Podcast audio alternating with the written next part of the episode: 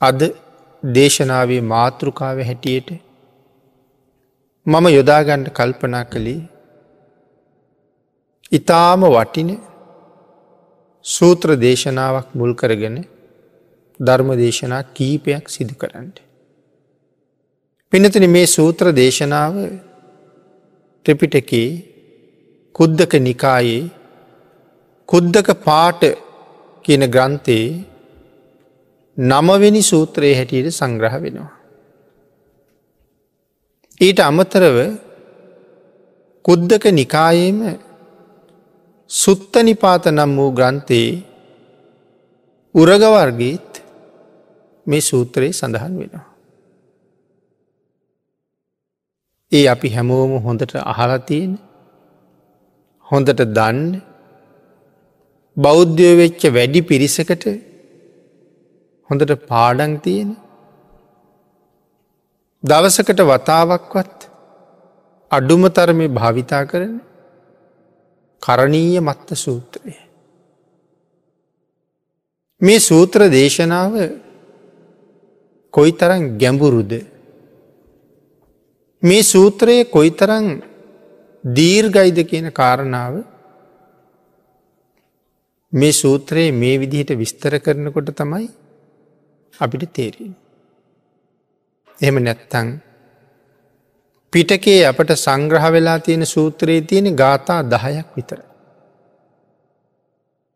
නමුත් පිටති කරණීය මත සූත්‍රය කියල කියන්නේ ඉතාම දීර්ඝ සූත්‍ර දේශනාවක්.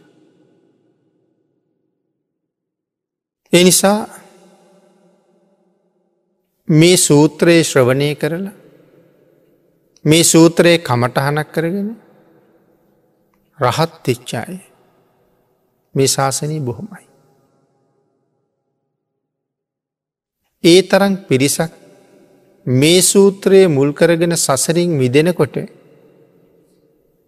මේ සූත්‍රයේ මේ තරං පාඩන් කරලා මේ තරන් කියවල අපට සසරින් මිදෙන්ට බැරි ඇයි කියන ප්‍රශ්න ගණනාවකට අපිට උත්තර හම්බ වෙනවා මේ සූත්‍රය හොඳට සාකච්ඡා කරහම.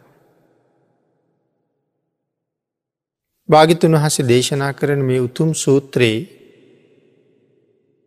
විශේෂයෙන් පින්නතුන සැවැත්නුවර උපකට්ටා කියන නුවර වැඩඉන්න කාලෙ තමයි දේශනා කරන්න. භික්‍ෂූන් වහන්සල පන්සීයක් අරමුණු කරගෙනයි මේ සූත්‍රයේ දේශනා කළේ. භාගිතුන් වහසේ උපකට්ටානුවර වැඩඉන්න කාලි. භික්‍ෂූන් වහසල පන්සීයක් බුදුරජාණන් වහන්සේගෙන් කර්මස්ථාන ඉල්ලගෙන ආවා. මේ සූත්‍රයේ දේශනා කරන්න හේතුවන නිදහන කතාව යපි මේ සිහිපත් කරන්න. අපේ භාගිතුන් වහන්සේ කර්මස්ථාන ලබා දෙනකොට. ඒ ඒ පුද්ගලයාට ගැලපෙන්ඩ සුදුසුම නිවැරදිම කර්මස්ථානය තමයි ලබාදින්. පිනිතින සඳහන් කරනවා රාගචරිතයට අසුභ කර්මස්ථානය. දේශචරිතවලට සතරක් වූ මෛත්‍රී කර්මස්ථානය මෝහ චරිතවලට මරණා නුස්සතිය. ශ්‍රද්ධහා චරිතවලට බුද්ධානුස්සතියත්. බිතක්ක චරිතවලට ආනාපාන සතිය. ඒවගේම බුද්ධි චරිතවලට චතු ධාතු අවත්හානාදී කර්මස්ථාන භාගිතුන් වහන්සේ මනාව ගැලපෙන්ඩ ලබල දෙනවා කියලා. අපේ භාගිතන් වහසේ කර්මස්ථාන ලබා දෙනකොට විශේෂයෙන් සඳහන් කරනවා ආකාර පහක් යටති ඒ කර්මස්ථාන ලබල දෙනවා කියලා. එතන උග්ගහ ආකාරයට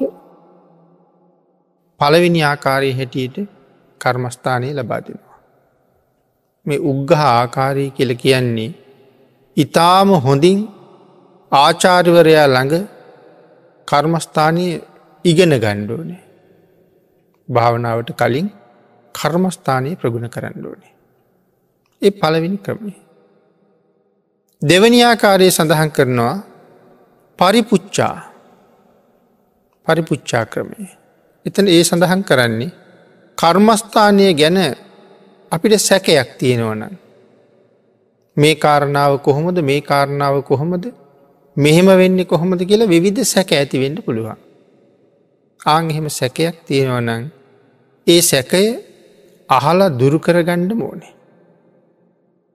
ඊළඟට සඳහන් කරනවා කර්මස්ථානය හොඳින් තමන්ගේ මනසට නගා ගණ්ඩෝන කියලා. එකන කර්මස්ථානය හොඳයට පාඩන් තියෙන්ට ඕනේ. කර්මස්ථානයේ කටපාඩන් කරලා තියෙන්ට ඕන. සිතූ ගමන් මෙනෙහිවෙන්ඩ ඒ කර්මස්ථානය ගැන අවබෝධී තියෙන්ට ඕනේ. හතරවෙනි කාරණා විදි සඳහන් කරනවා මේ කර්මස්ථානයේ අර්පනා ළඟට දියුණු කරගන්න ඕන කියලා. අර්පනා මට්ටමට දියුණු කරනවා කියල කියන්නේ. ධ්‍යානයට ආසන්න වෙනක. ධ්‍යානයේ ළඟ හැසිරෙන මට්ටමට එනකං කර්මස්ථානී දියුණු කරගන්න. අවසාන කාරණාව සඳහන් කරනවා ඉන් පස්සේ ප්‍රඥ්ඥාවෙන් ප්‍රත්‍යවේක්ෂා කරමින් කර්මස්ථානය මනාව විමසන්ඩු. මෙහෙම ආකාර පහක් සඳහන් කරලා තියෙන. අප මේ බොහොම කෙටියෙන් තමයි කරුණු පිළිබඳ මේ සිහිපත් කරන්න යෙදෙන. ඊළඟට භාගිතුන් වහසේ මේ සූත්‍රයේ දේශනා කළේ අපි සඳහන් කලා පන්සීයක් වූ භික්‍ෂූන් වහන්සේලාන්. බුදුරජාණන් වහන්සේගෙන් කර්මස්ථානයේ ඉගෙනගෙන මේ භික්‍ෂූන් වහන්සේලා බුදුරජාණන් වහන්සේගෙන් සමු අරගෙන වස්කාලි විවේක ස්ථානයක වස් සමාදන් වෙලා මේ භාවනා කර්මස්ථානයේ දියුණු කරන්න පිටත් වෙලා වැඩිය. උන්වහසෙල්ල බොහෝ දුර වැඩම කරලා පරුවත ආසන්න ප්‍රදේශයක් පරුවත ආශ්‍රය කරගෙන තියෙන ප්‍රදේශය. සඳහන් කරනවා ඉතාම හොඳට බිම වැහෙන්න හෙවන වැටිල තියෙන විශාල රුක්ෂ වැවිල තිබුණ ප්‍රදේශය. මුතු ඇට වගේ වැලි කැට තියෙන ඉතාම පිරිසිදු බිම. මේ පරුවත ආශ්‍රය කරගත්ත මේ භූමිය ළඟ ගොදුරුගං දෙකක් තියෙනවා කියල සඳහන් කරනවා. සාමාන්‍ය එක ගමක ගෙවල් දාහක් විතර තිබිලතිය. ඒවාගේ ගම්මාන දෙකක් තියෙනවා. භික්‍ෂූන් වහසල නතර වුණ තැන ඉතාම විවේකයි. ඒ නිසා උන්වහසල තීරණය කළා අපට නවාතැන් ගණ්ඩ තියෙන භූමිය ඉතා විශේෂයි ඉතාම විවේකයි. භාවනාවට හරි පහසුයි මොකද ප්‍රත්‍ය පහසුකං හොයාගණ්ඩ ළඟ ගම්මාන දෙකක් තියෙනවා. බොහෝ දුර වඩින් අවශ්‍යනය. එහින්ද අපි මෙතන නතරවෙමු. එදා රාත්‍රිය උන්වහන්සේලා කුටි සෙනසුන් නැතුවම ඒ රුක්ෂමූලවල වැඩහිටිය. පහෝද උදේ ගමට පිණ්ඩ පාති වෙඩිය. භික්‍ෂූන් වහන්සේල පන්සීය අපූරුවට වඩිනකොට ඒ ගම් වැසියන්ට ඇතිවුණේ පුදුම සතුටක්. එනිසා ආරාධනා කළා ස්වාමීණී මේ වස්කාලය ඔබහන්සල කොහේවත් වඩින් දෙපා. අපි සිව්පසයෙන් උපස්ථාන කරනවා. මෙහෙ වැඩඉඳගෙන විවේකීව ආධ්‍යාත්මික ජීවිතය වෙනුවෙන් කටයුතු කරන්න කියලා. කුටිසේනාසනත් හදල දුන්න. භික්‍ෂූන් වහන්සේලා පහුවද අනිත් ගමට පිණ්ඩ පාති වැඩිය. ඒ ඇත් හරි සතුටුයි. දැ මෙතන උන්වහන්සේලා මේ වස්කාලය නතරවෙන්ඩ තීරණය කරලයි තියෙන්නේ. පිනතන මේ ප්‍රදේශයේ මේ ගස් ඇසුරු කරගෙන විශාල වශයෙන් ගෘක්ෂ දේවතාව වැඩඉන්නවා. දැ උන්වහන්සේලා වැඩම කරලා ඉන්න නිසා මේ රුක්ෂ දේවතාවරු ගස්වලින් බිමට බැස්සා. ොද තමන්ට වඩා සීලයෙන් ඉතාම උසස් ශ්‍රේෂ්ඨ භික්‍ෂූන් වහන්සේලා රුක්ෂ මූලවල වැඩ ඉන්නකොට රුක්ෂ දෙවියන්ට තමන්ගේ විමානවලට වෙලා වැඩඉන්න පුළුවන්කමක් නෑ. එනිසා දරුවොත් එක්කම විමට බැස්ස කියල කියන්න. පිනතින අර සඳහන් කරනවා රජවරු රජ ඇමතිවරු යම් ප්‍රදේශයකට යම් කාර්යක් සඳහා පිටත් වනහම. ඒ ප්‍රදේශයේ ඉන්න අය තමන්ගේ එදිනෙදා කටයුතු නතර කරලා ඒ රජුට සහ රජ ඇමතියන්ට කටයුතු කරගන්න ඉඩ දෙන්ඩුවනේ. අන්න ඒවාගේ තමන්ට වඩා උසස් භික්‍ෂූන් වහසල වැඩලා ඉන්නකොට. විමානවලට වඩා බොහොම විමානවල බොහොම සුවසේ කාලයේ ගත කරන්න අවස්ථාව ලැබෙන් නැහැ බිමට බහින්න සිද්ධ වෙනවා. සීල තේජානු භාවය නිසා. නමුත් මේ රුක්ෂ දේවතාවරු බැලුවා මේ භික්‍ෂූන් වහන්සේලා කොච්චර කාලයක් මෙහි වැඩඉදීද කියලා. බලහම වස්තුම්මාසම වැඩඉන්නවා. ඉතින් තුම්මාසයක්ම විමානවලින් බැහලා ඉන්නවා කියන එක ඒ අයට තරම් පහසු වැඩක් නෙමෙයි. එහින්ද කල්පනා කලා මේ භික්‍ෂූන් වහසලා මෙතනින් පලවාහරිම. එම නැත්තන් අපිට කරදරයි. ආගේ නිසා ඉතා භයානක රූප පෙන්වෙනවා. ඉතා භයානක ශබ්දය හෙන්ඩ සලස්සනවා. ඒ විතරක් නෙමෙයි දරන්ඩ බැරි තරන් දුර්ගන්ධය පතුරුවල යවනවා. ඒ දුර්ගන්ධය හිස්මොල දක්වාම ගමන් කරනවා කියල සඳහන් කරනවා. එනිසා බොහොම තද හිසේ අමාරු හෙදෙනවා.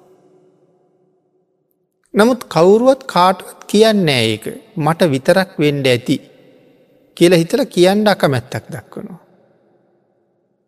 එක දවසක් භික්‍ෂූන් වහන්සේලා සියලු දෙනාම මේ පන්සිය දෙනාගේ නායකය සංග ස්ථවිරයන් වහන්සේ තමන් වහන්සේ ළඟට කැඳෙව්වා. කැඳවල ඇහුවා මෙහාට වඩිනකොට ඔබහන්සේල සියලු දෙනාම ඉතාම ප්‍රිය මනාපයි. හොඳට පෘෂ්ටිමත්ව වැඩුණ ශරීර තිබුණ. නමුත් දැන් හැම කෙනෙක්ම බොහොම කෙසඟ වෙලා. බොහොම අපහසුවෙන් කරදරයෙන් ජීවත්වෙන බවක් තමයි හැමෝගෙම මූුණුවලින් පේන්නේ. ඒකට හේතුවමකක්ද කියලෙහවා. ඉටවස පන්සිය දෙනාම තම තමන්ට දැන්නද කීව. බලහම සියලු දෙනාටම එක මාකාරයි. ඒ නිසා තීරණය කළා ඒන අපි යම්. ආයත් ගිහිල්ල බුදුරජාණන් වහන්සේ මුණ ගැහෙමු කියලා. එහෙන් පිටත් වෙලා ආයත් භාගිතුන් වහස මුණ ගැහිට වැඩිය. වැඩල බුදුරජාණන් වහන්සට වන්දනා කරලා මේ කාරණාව මතක් කළා. භාගිතුන් වහස දේශනා කළා මහනින. මම ඔබලාට කවදාවත් අනුශාසනා කරලා නෑ වස්කාලය තුළ චාරිකාය වඩින්න කියලා. එනම් ඇයි වස්කාලය තුළ මේ චාරිකායි වඩින්. එහෙම ඇහු හම තමයි කාරණාව මතක් කළේ ස්වාමීනී.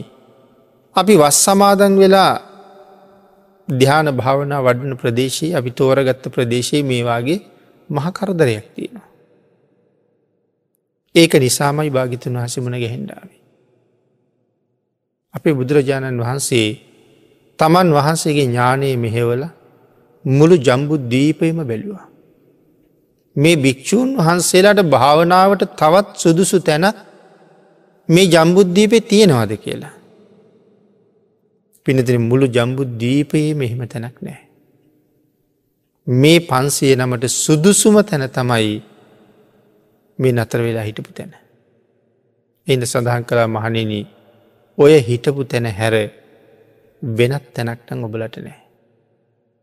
වෙනත් කොතන හිටියත් ඒක ඔබලාගේ අර්හත්තය සඳහා හේතුවෙන්නෙත් නෑ. යායුත්තේ එතෙන්ටම තමයි. කියන කාරණාව භික්‍ෂූන් වහන්සේලට දැනුවත් කරලා. උන්වහසලට දැන් ආරක්ෂාවක් හදල දෙන්ඩිපෙයි.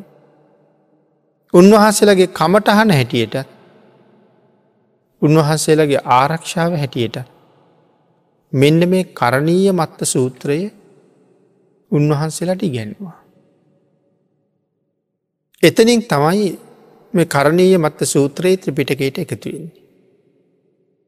කරණීය මත්ත සූත්‍රයේ උපත සිද්ධ වෙන්නේ මෙන්න මේ විදිහට. උන්වහන්සේලා කරණීය මත සූත්‍රය හොඳට ඉගෙන ගත්තා. බුදුරජාණන් වහන්සේ වැඳල.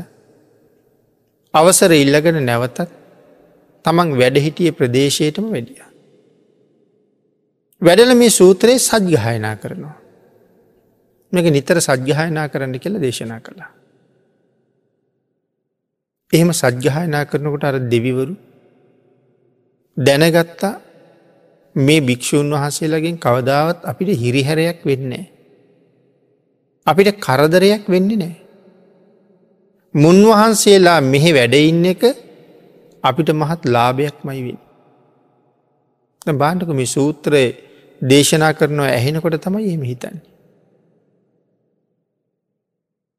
උන්වහසල ගස්වලින් බැහැල මිනිස් වෙස් මවාගෙන මේ භික්‍ෂූන් වහන්සේලගේ කුටි සමීපයට ඇවිල්ල ඇමදිය යුතු තැන් අමදිනවා. පැන් පෙරල ගෙනල්ල තියෙනවා. වතාවට්ටික සම්පූර්ණ කරලා දෙනවා. උන්වහන්සේලගේ භාවනාව සම්පූර්ණ කරගණ්ඩ කාලය ඉතුරු කරලා දීල පහසුකං හදල වත් පිළිවෙත් කරලා ඇප උපස්ථාන කරලා බොහෝ පින් සිද්ධ කරගත්තා. ඒ භික්‍ෂූන් වහන්සේලා මේ ප්‍රදේශය තුළම වස්තුම්මා සිනිමා වෙනකොට පන්සීයක් දෙනා වහන්සේම ඒ රුක්ෂ දේවතාවන්ගේ උපකාරය ඇතුව සව් කෙලෙස් නසල රහත් වුණා. මේ මේ කාරණාව මුල් කරගෙන තමයි මේ කරණීය මත්ත සූත්‍රයේ භාගිතුන් වහස දේශනා කළේ. පිඩතුනී සූත්‍රය ආරම්භ කරන්න කලින් භාගිතුන් වහස මෙතන සඳහන් කරනවා මහා සංවේගවත් වූ අටක්. ඇයි මේ සංවේගවත් වූ අට භාගිතුන් වහස දේශනා කරන්න. අප්‍රමාදය ඇති කරවන්න. කුසල් දහම් වඩන්ඩ කැමැත්ත වැඩි දියුණු කරන්න. අප්‍රමාදීව කුසල් රැස් කරවන්න තමයි සංවේගවත්තු අටක් අට්ට මහා සංවේගවත්තු. ඉමානි සංවේගවත් වූනි අට්ට. මේ සංවේග වස්තු අට දේශනා කරන. නිවන් මගේ බොහොම ශ්‍රේෂ්ඨ කාරණාවක් තමයි අප්‍රමාදය කියල කිය. පිනතුන දෙපා ඇති සතුන් අතර. ශ්‍රේෂ්ඨයි සම්මා සම්බුදුරජාණන් වහන්සේ. තුන් ලෝකෙටමත් ශ්‍රේෂ්ඨයි සම්මා සම්බුදුරජාණන් වහන්සේ. එහෙමන ඊළඟට සඳහන් කළා සියලු කුසල ධර්මාතරය සියලුම පින්කං වොලට වඩා ශ්‍රේෂ්ඨයි අප්‍රමාදී. එකට තවත් උදාහරණයක් සඳහන් කළා ඇතෙකුගේ පිය සටහන ඇතුළි මේ ලෝක ජීවත්වෙන අනික් හැම සතෙකුගේම පිය සටහන තියන්න පුළුවන්. විශාලතම පාද ඇති සත්වයා අතර ඇතා තමයි ප්‍රධාන. ඒ ඇතාගේ අඩිය ඇතුළි අනික් හැම සතකුගේම අඩිය තියන්න පුළුවන්. එව ඊට වඩා කුඩයි. අගේ නිසා සඳහන් කළා මේ ලෝකෙ කොච්චර පින්කං තියෙනවද අපිට නිවන්දකින්න කරන්න. ඒ සියලුම පින්කං අතර හැම පින්කමකට වඩා ශ්‍රේෂ්ඨයි කියල දේශනා කළ අප්‍රමාදය. ආං එහෙම අප්‍රමාදය ඇතිකර වණ්ඩ තමයි මේ සංවේගවත්තු අට දේශනා කරලා තියෙන්. අපි එහෙනම් සාකච්ඡා කරමු ටිකක් කෙටියෙන් නමුත් මොනවද සංවේගවත්තු කියල කියන්නේ. පිනතින පළවෙනි කාරණාව ජාති සංවේග ඉපදවීතු කාරණාව. ජාති කියල කියන්නේ උපත. මේ ජීවත්වෙන අපි කවදහරි දවසක මැරෙනවා. මැරුණුත් අනිවාර්යම තව තැනක උපදිනවා. එතකොට අපි උපදින්නේ අපි කලින් දන්න කෙනෙක් ළඟද දන්න පිරිසක් ළඟද දන්නේ නැති පිරිසක් ළඟ තමයි උපදින්නේ. ඒ නිසා දුකක් ඇතිවෙන්න පුළුවන්. ඉතින් උපත ගැන සඳහන් කරනකොට භාගිතුන් වහසේ අභිධර්ම පිටකේ බොහෝ කරුණු දැක්වා. ජාතිපි දුක්කා විස්තර කරන තැන. මාතෘ ගර්භයක ජීවත්වෙන කාලි කොයි තරන් දුකක් විඳිනවාද. ඒ නිසානි පිනතින ඇතැම් ප්‍රඥාවන්තයෝ මහ පින්කං කරල ප්‍රාර්ථනා කරලා තියෙන්නේ මවකුසක උපදින් දෙපා කියලා. දැන් අපේ කාලි හැටියට සඳහන් කළු අම්බපාලි. වෛශ්‍යාව. නමුත් කාශ්‍යප බුද්ධ ශාසනය. පැවිදිවෙච්ච භික්‍ෂුණිය. සසර බොහොම පින්කං කරලා කරපු ප්‍රාර්ථනාතර එකක් තමයි මව්කුසවාගේ තැනක උපදින්න එපා කියලා. මහාපදුම දේවිය මවකුස ප්‍රතික්ෂේප කරපු කෙනෙක්. පොක්කරසාති බ්‍රාහ්මණය මවකුස ප්‍රතික්ෂේප කරපු කෙනෙ. ඒවාගේ අය පිළිබඳව අපේ ධර්මය සඳහන් කරල තියෙනවා. මහාපදුම දේවිය උපදින්නේ නෙළුම් මලක. අම්බපාලිය උපදින්නේ අඹ ගහක් මුල එනිසා තමයි අම්බපාලි කියල කියන. ඕපපාතික උපතක්. ඇයි මෞගිස ප්‍රතික්ෂේප කළේ මව්කුසේ තියෙන දුක කලින් දැනගෙන හිටපු නිසා. මහා නිරයක දුක කොහොමද. මවකුසත් මහා දුක්කක් කන්දයක් කෙල සඳහන් කරනවා. මාස දහයක් තරම් කාලයක් මේ කුසේ වැඩෙනකොට ඒ වැඩෙන සත්වයා විඳින දුක භාගිතුන් හස පැහැදිලි කරපු තැන් අභිධර්ම පිටික තියෙනවා. සමහර වෙලාවට කුස ඇතුළේ වැඩෙන කාලී අම්ම උණුසුම් ජලය පාවිච්චි කළොත්. ඔහු තැවෙනවා පිච්චෙනවා.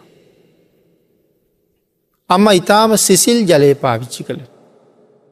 හරියට නිකං උණුසුම් ජලය පාවිච්චි කරනකොට ලෝදියවක් කරන වගේ කියල සඳහන් කරන්න.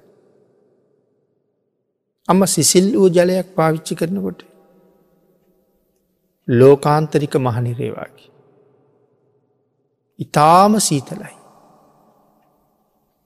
ඒ වගේම තමයි පිනතුන මවකුසේ නැවතත් සඳහන් කරනවා ලෝකාන්තරික මහනිරේ වගේ ඉතාම අන්දකාරයි කියලා.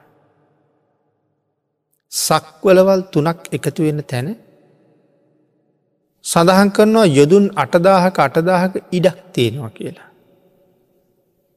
සාමාන්‍ය රවුන් හැඩේ වස්තු තුනක් අපි එකට කරලා අල්ලගත්තොත් මැද්ද ඉඩක් ඉතුරෙන බව පිදන්නවා. ආගේ නිසා මේ සක්වලවල් තුනක් එකතුවෙන් තැන යොදුන් අටදාහක් අටදාහක් තරන් හිස් අවකාශයක් තියෙනවා. පතුලක් නෑ. පෘතුවයේ ගැඹුර ධර්මය හැටියට සඳහන් කරනකොට පැහැදිලි කළා යොදුන් දෙලක්ෂ හතලිස් දාහක් මේ ගණකඩ බොල් පොළොව යටට ගැඹුරුයි කියලා. ති යොදුන් දෙලක් සතලිස් දාහක් කියල කිය හම සැතපුම් නම් කොච්චර ප්‍රමාණයක් වීද. ඉතිං ඒවාගේ තුනක් එකතු වෙච්ච තැන මේ හැදෙන අවකාශය පතුලක් නෑනි පිඩතුන. උඩට බැලූහම හිස් අවකාශයමයි. ඒ නිසා වහලෙකුත් නෑ පතුලකුත් නෑ.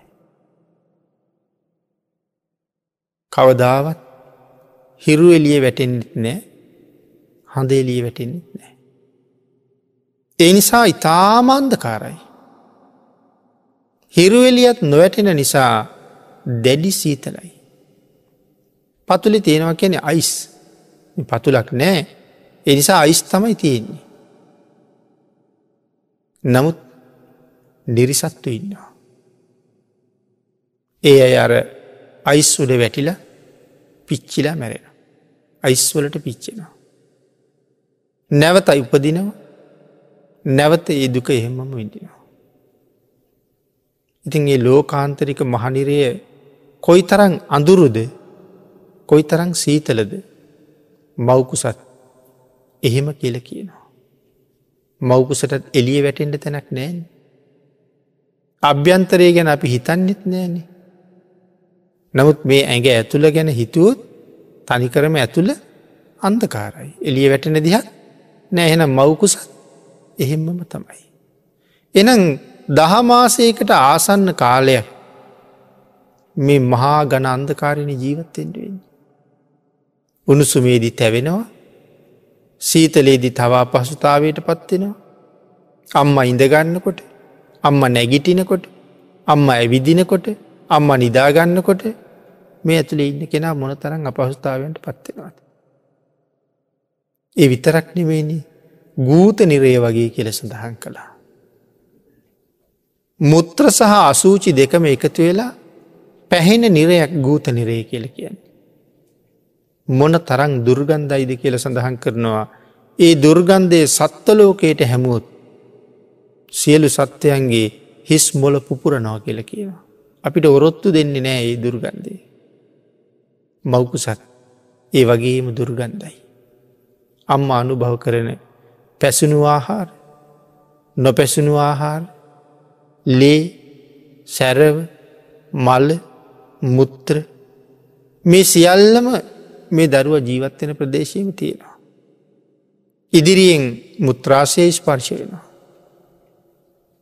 මහාන්ත්‍රයේ අඟල් දහයක පමණ ප්‍රමාණය නිරන්තරයෙන් මල පහයිකතු වෙනවා. ඉති මේ දෙපැත්තම ස්පර්ශ වෙවි පරම දුර්ගන්ධයක් විඳවිඳ කෑලි කපන්ඩ පුළුවන් තරන් අඳුරකට වෙලා නොයෙක් වේදනා ඉවස ඉවස මේ දහමාස ගෙවන්ඩුවනේ. උපදිනකොට තවත් දුකක් විදිනවා. කර්මජ වාතයෙන් මේ දරුව හරවන්ඩෝන උපදින්ට. එතකොට මාස ගානක් එකම විදිහට ඉඳල සම්පූර්ණයෙන් හාත් පස අනි පැත්තට හරවනකොට සඳහන් කරන මහ විශාල කන්දක් උඩින් පෙරලුවොත් කෙනෙක් මොන තරං වේදනාවක් දැනි දෙනී පල්ල හැට රෝල්ලෙනවාද. ඒවාගේ වේදනාවක් දැනෙනවා කියලා. ඊළඟට උපත් මාර්ගයේදිගේ එලියට එනකොට සංඝාත නිරයේ පරුවත දෙකට හිරවුණ නිරිසත්තුවාගේ කෙල කියනවා. සංඝාත කියන මහනිරේ පරුවත පෙරලෙනවා පරුවත තියෙන්. හෙන හඬ පුපුරනවා වගේ යොදුන් ගණන් දිග මහාපරුවත් යොදුන් ගණන් උසයි යොදුන් ගණන් දිගයි. නිරිසත්වයෝ ඉන දක්වා ප්‍රමාණය නිරේ ගිලිල ඉන්නේ. ඉනෙන් උඩ කෑල්ල විතරයි තියෙන. යට කෑල්ලි හොළවන්න පුළුවන්කමක් නෑ. හිර වෙලා වගේ. ටික වෙලාවක් යනකොට මහා හඬක් ඇහෙන. බලහම යොදුන් ගානක් උස යොදුන් ගානක් දිග තනිකරම ගින්දරෙන් රත්තෙච්ච මහාපරුවතයක් තමන් ඉන්න දිහාට පෙරලි පෙරලියනවා. මොනෝ කරන්නද නැගිටින්ට බෑ දුවන්ඩ බෑ මොහොතින් හරිට නිකං රොටී තැලුව වගේ තමන්ගේ ඇගුඩින් පරුවත යනවා. තමන් පහු කරලා ගියාට පස්සේ කර්මය නිසා ආයත් නැගිටින. වේදනාව අපි මනුස්සලෝකි ඔය ගල් රෝලෙකට වගේ තැලුණවාගේ නෙමේ ඊට වඩා ඉතාම දරුණු වේදනාව. ඊට පස්සේ බලහම එකක් නැගෙන හිරින් ඇවිල්ල ගිය අනික බටහිරිගෙනවා. තව එකක් උතුරෙන් එෙනවා තව එකක් දකුණෙන්ගෙනවා. මේ හත්තර පැත්තටම තැලෙනවා. සමහර වෙලාවට දෙකක් දෙපැත්තෙන් ඇවිල් එකට හේත්තුවෙනවා. එතොට අර මැද්ද හිරවෙච්චාය කොයි තරං වේදනාවක් විඳිනවද. ආන්ගේ හිරවෙච්ච සත්වයෙක් විඳින යම් වේදනාවක් වෙයිද මවකුසෙන් එලියට එනකොට ඒ තරං වේදනාවක් විඳිනවා කියල කියනවා. එති මේ ජාතිපි දුක්කා මේ කාරණාව තව බෝ කරුණු කාරණා සහිතව පැහැදිලි කරන්න පුළුවන්. ඊට පස්සේ ඉපදුනාට පස්සෙත් විඳින්ට තවත් නොඒක් දුක් රාශියක් තියෙනවා. ඉපදිච්ච ඉතාම බිලිඳු දරුවට ඉදිකටු වගේ නොයි කටුවලින් විදිනවා බෙහෙත් විදින. තව සමහරයට ඉපදිච්ච ගමම්ම සැත්කම් කරන්න වෙන. මේවාගේ නොඒක් වදවේදෙන විදින. එහෙම එහෙම ඇවිල්ල යම් ප්‍රමාණයකට ලොකු මහත්තෙච්චාය තමයි ඔබ මම. නමුත් මේ ජීවිතය තුළ අදත් අපි නොයෙක් දේවල් එක ගැටමින් හැල හැප්පෙමින් ලෙඩදුක් කරදර කම්කටුළු මැද්දේ හතුරු උපද්‍රව මැද්දේ අපි මොන තරන් දුකක් විඳිනවාද. ඉතින් ඉපදිච්ච නිසා මේ වගේ මහා දුක්කන්දරාවකට මුණ දෙන්න සිද්ධ වෙලා තියෙනවා. අනාගතයේදී අපිට කොයිවාගේ දුක්කොලට මුණ දෙන්න සිද්ධ වෙයිද. ආං ඒ ගැන හිතලා සංවේග උපත වණ්ඩෝනේ. සමහර තැනක අහනවා පිහියෙන් ඇනල මරලා. තව තැනක ඇහෙනවා වෙඩි තියල මරලා. තව තැනක ඇහෙනවා කෑලියෝල්ට කපල මරලා. අහනකොටත් ඇඟ හිරිවැටෙනවා බයි හිතෙනවා. නමුත් හෙට දවසේ ඒ තත්ත්වය මට උදාවෙන්ඩ පුළුවන්. ආං ඒක නිසා සංවේග උපදවන්ඩුවට මේ සසර දුකයි. වහ වහා සසරින් එතර වෙන මගම හදාගත යුතුයි. අංගිනිසා ජාතිපි දුක්කා. ඊළඟට සඳහන් කළා ජරාපි දුක්කා. පිනතන ඉපදිච්චාපි ඉපදිච්ච දවස ඉඳලම එමට මවකුසට ආපු දවස ඉඳලම අපි කොහාටද මේ යන්නේ. අපි ජරාවට යන්නේ. ජරාවට පත්වෙනවා කියල කියන්නේ වයෝර්ධ භාවයට පත්වෙනවා කියන එක. දවසින් දවස වයස යනවා. වයස අන්ඩ අන්ඩ තමයි කුසේ ඉන්න දරුව මේරුයි. මාස දහයක් විතර වයසගේ හම එලියටාව. අපි එතන ඉදර කියනවා දැන් අවුරුද්දයි දැන් දෙකයි දැන්තුනයි තැන් ක්‍රම ක්‍රමයෙන් කොහටද මේ යන්නේ අවුරුදු හැත්තෑවක් ජීවත්තෙන්ට ආවිශාරං ආවන්නන්. දැන් අවුරුද්දක් ඉවර වුණා කියල කියන්නේ තව ජීවත්තෙන්ට තියෙන හැට නමයයි. පහක් ඉවර වුණා කියලකෙන් තව තියෙන හැට පහයි. එනම් අපි මේ යන්නේ අපිට හිතෙන්නේ තරුණ වයසට යනවා. එහෙම අපි තමයි අපිට හිතින් අපි හරි කැමැත්තෙන් ඉන්න තරුණ වයසටනක. නමුත් අවුරුදු විස්සක් විතර වෙනකොට අර හැත්තෑවක් ඉන්ඩ හිටපු කෙනාට දැන්තියෙන පණහයි ොද විස්සක් ගෙවිලා. දැන් අර කුඩා කාලෙ මග තිබිච්ච හුරු බුහුටි අතපය ඒ වගේ තිබිච්ච මෘදු මොලොක් බව දැන්ගේ අහිමි වෙලා ගිහිල්ලා. ද මේ වයිස ඉඳල කල්පනා කෙරුව. අපි ඉස්කෝලිගිය කාලි තිබිච්ච ශරීරයේ ඒ කාලි තිබිච්ච කෙස් ඒ කාලි තිබිච්ච ශක්තිය ඒ කාලෙ තිබිච්ච රුව ලස්සන දැන් අපෙන් හුඟක් ගිලිහිලා ගිහිල්ලා. එදා පින්තූරයකුයි අද පින්තූරයකුයි වැැක්කොත් හරියට අඳුරගණ්ඩත් අපහසු තර. ඊට වඩ හුඟක් වෙනස් වෙලා. අප්‍රසන්න වෙලා. මේ තත්ත්වේ මීටත් වඩා තවත් දියුණු වෙලා ගිහිල්ල කෙස් පැහිල ඇඟ රැලි වැටිල දත් හැලිලා හකු වලගෙහිල්ල ඇස් දෙක ගිලිල කොන්ද කුදු වෙලා එහෙම වෙන කාලයක් කනාගතයට අපි හැමෝට මේනවා. ජරාව ජරාදුක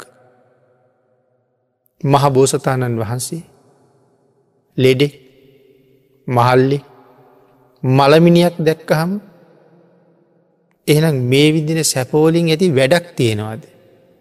දවසක මෙතෙන්ට යනවන්නන් අද මේ මායාවකඉන්න.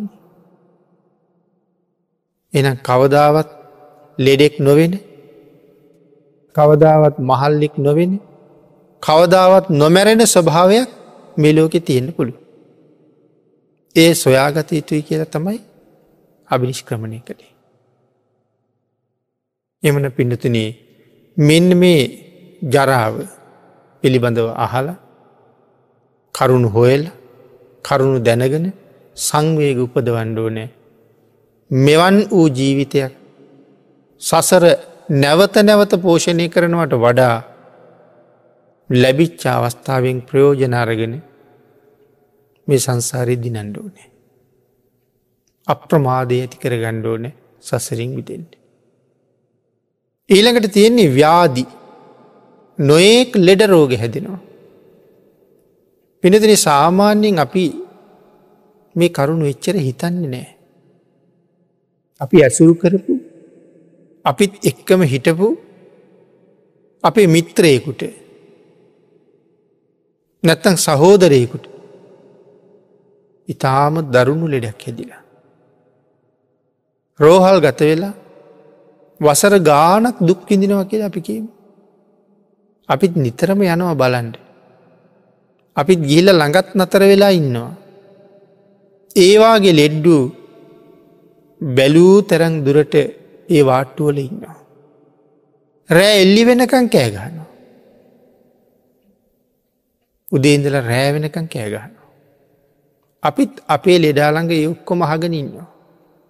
හැබැයි අපි හිතන් නෑ දවසක මටත් මේ ඇඳක මෙහෙම වෙයි කියලා. අපි හිතුවේ නැතිවුණාට ඒක එහෙම වෙන්ඩ බැරි. එහෙම වෙන්ඩ තියෙන ඉඩකඩ සීයට සීයක්. ආං ඒ නිසා ඒ දේවල් දැකල කල කිරෙන්ඩ ඕනේ. නැවත නැවත සසර පෝෂණය කරනවා කියල කියන්නේ මීට වඩා දුක්කොල්ට මුණ පාණ්ඩ සිද්ධ වෙලා. සමහර ලෙඩරෝග බොහොම වේගෙන් ශරීරයේ දිය කරලදානවා. අන්තිමට ඇටකෝටු මත හමක් විතරයි තියෙන්නේ කියන තැනට එනකං නහරවැල් ඉලිප්පිලා පේනවා. සමහරයිගේ කුණු වෙලා. අහල පහල ඉන්ඩ බැරි තරම් දුර්ගන්ධයි.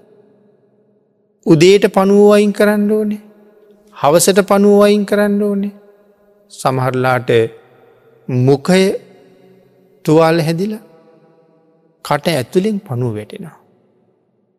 ඒවාගේ මහා පිළිකුල් සහගත රෝග තියෙනවා. ශරීර අභ්‍යන්තරයේ පේනවා සමහරයගේ. ඇයි ඇතුළටම සිදුරක් හැදිලා. ඒ තරන් භයානක රෝග තියෙනවා. නමුත් අනේ අපොයි ඒ මනුස්සයට වෙච්ච දේ කියල කියනවා මිසක් ඔයිට වඩා ලොකු එකක් මට හැදී කියලා හිතනවා හරි හරි අඩුයි. එනම් අපි ඒක එහෙම්මම හිතන්ඩුවනේ. අපි මළගෙදරක ගියත් මේ මනුසෑ මැරුණනි කියලා හිතනවා මිසක් මමත් ඔහොම මැරෙනවනි කියලා කල්පනා කරන අය හරි අඩුයි. නමුත් හරියට මේ කාරණාව හිතලා සංවේග උපදවන්ඩෝනි කෙළ භාගිතුන් හස දේශනා කරන්න. කොයි තාක් දරුණු රෝග තියෙනවාද ඒ තාක් දේවලට මං ගොදුරු වෙන්න පුළුවන්. ඊළඟට මරණ මරණීය දුක ධර්මය සඳහන් කරපු හැටියට හරිම වේදනාකාරී ස්වභාවයක් තිය. මරණීය වේදනාව. මෙතෙක් ජීවිතය අපි විඳලම නැති වේදනාවක්. අපි කවුරුවත් මරණීය වේදනාව විඳල නෑන්නේ. ඒක විඳින්ට වෙන්න මැරෙන අවස්ථාවමයි. එහින්ද ඒ අවස්ථාවේ මූුණ දෙන්න වෙන්නේ අලුත්ම දුකකට. නමුත් පින්නතුනී ඒක කොච්චර දරුණුද කියනෙකොයි අනාත පින්ටික සිටිතුමා ධනංජානි බ්‍රාහ්මණය ඒවාගේ අය මරණාසන්න වෙලාවි කියල තියෙනවා. නමුත් ඊට පස්සේ අපේ කාලි කවුරුවත් කෙනෙක් මරණ දුක මරණීය වේදනාව අත්විඳල අපිට ඇවිල්ල ආය කීවෙනෑ මෙන්න මෙහෙම දුකක් තියෙනවා කියලා. ඒ ඒ දුක විඳල මැරිලගිය. මේ ධර්මය සඳහන් කරපු තැංගොලින් තමයි අපිට ඒක දැනගන්නති. එන කවදහරි දවසක මේ කියන මෙතෙක් විඳල නැති ඒ භයානක වේදනාව ඔබටත් මටත් විඳින්ට වෙනවමයි.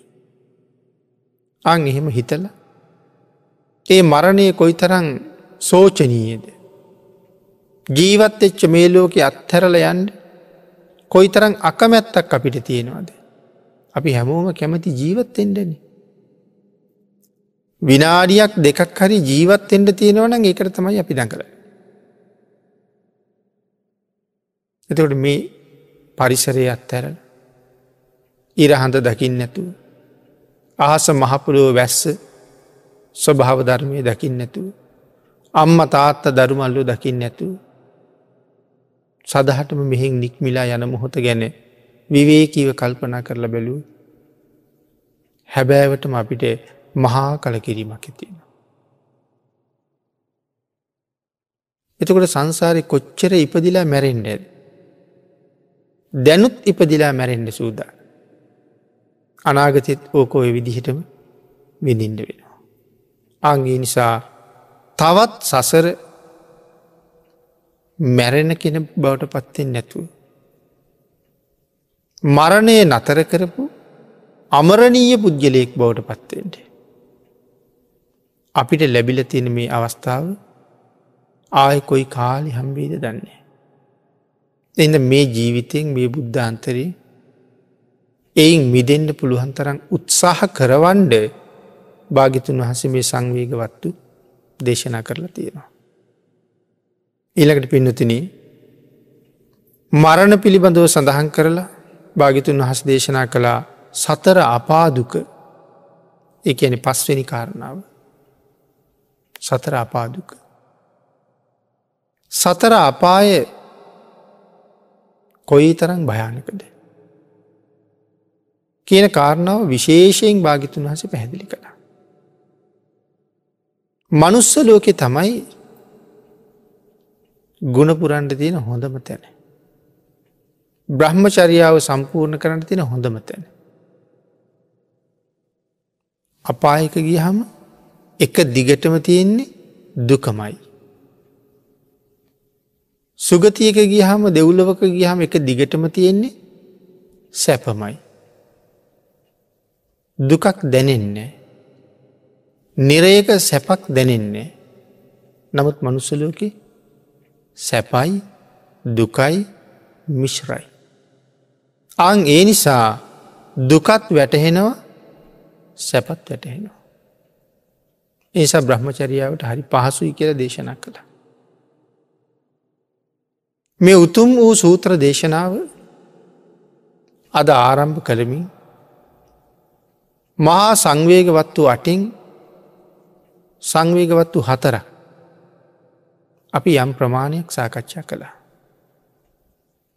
පිනතින ධර්ම දේශනාවට තියෙන කාලය අවසන් වෙන්න නිසා කරණයේ මත්ත සූත්‍රයේ ආශ්‍රය කරගෙන සිදු කරන පළවෙනි ධර්ම දේශනාව අපි මේ විදිහට නිමා කරමු.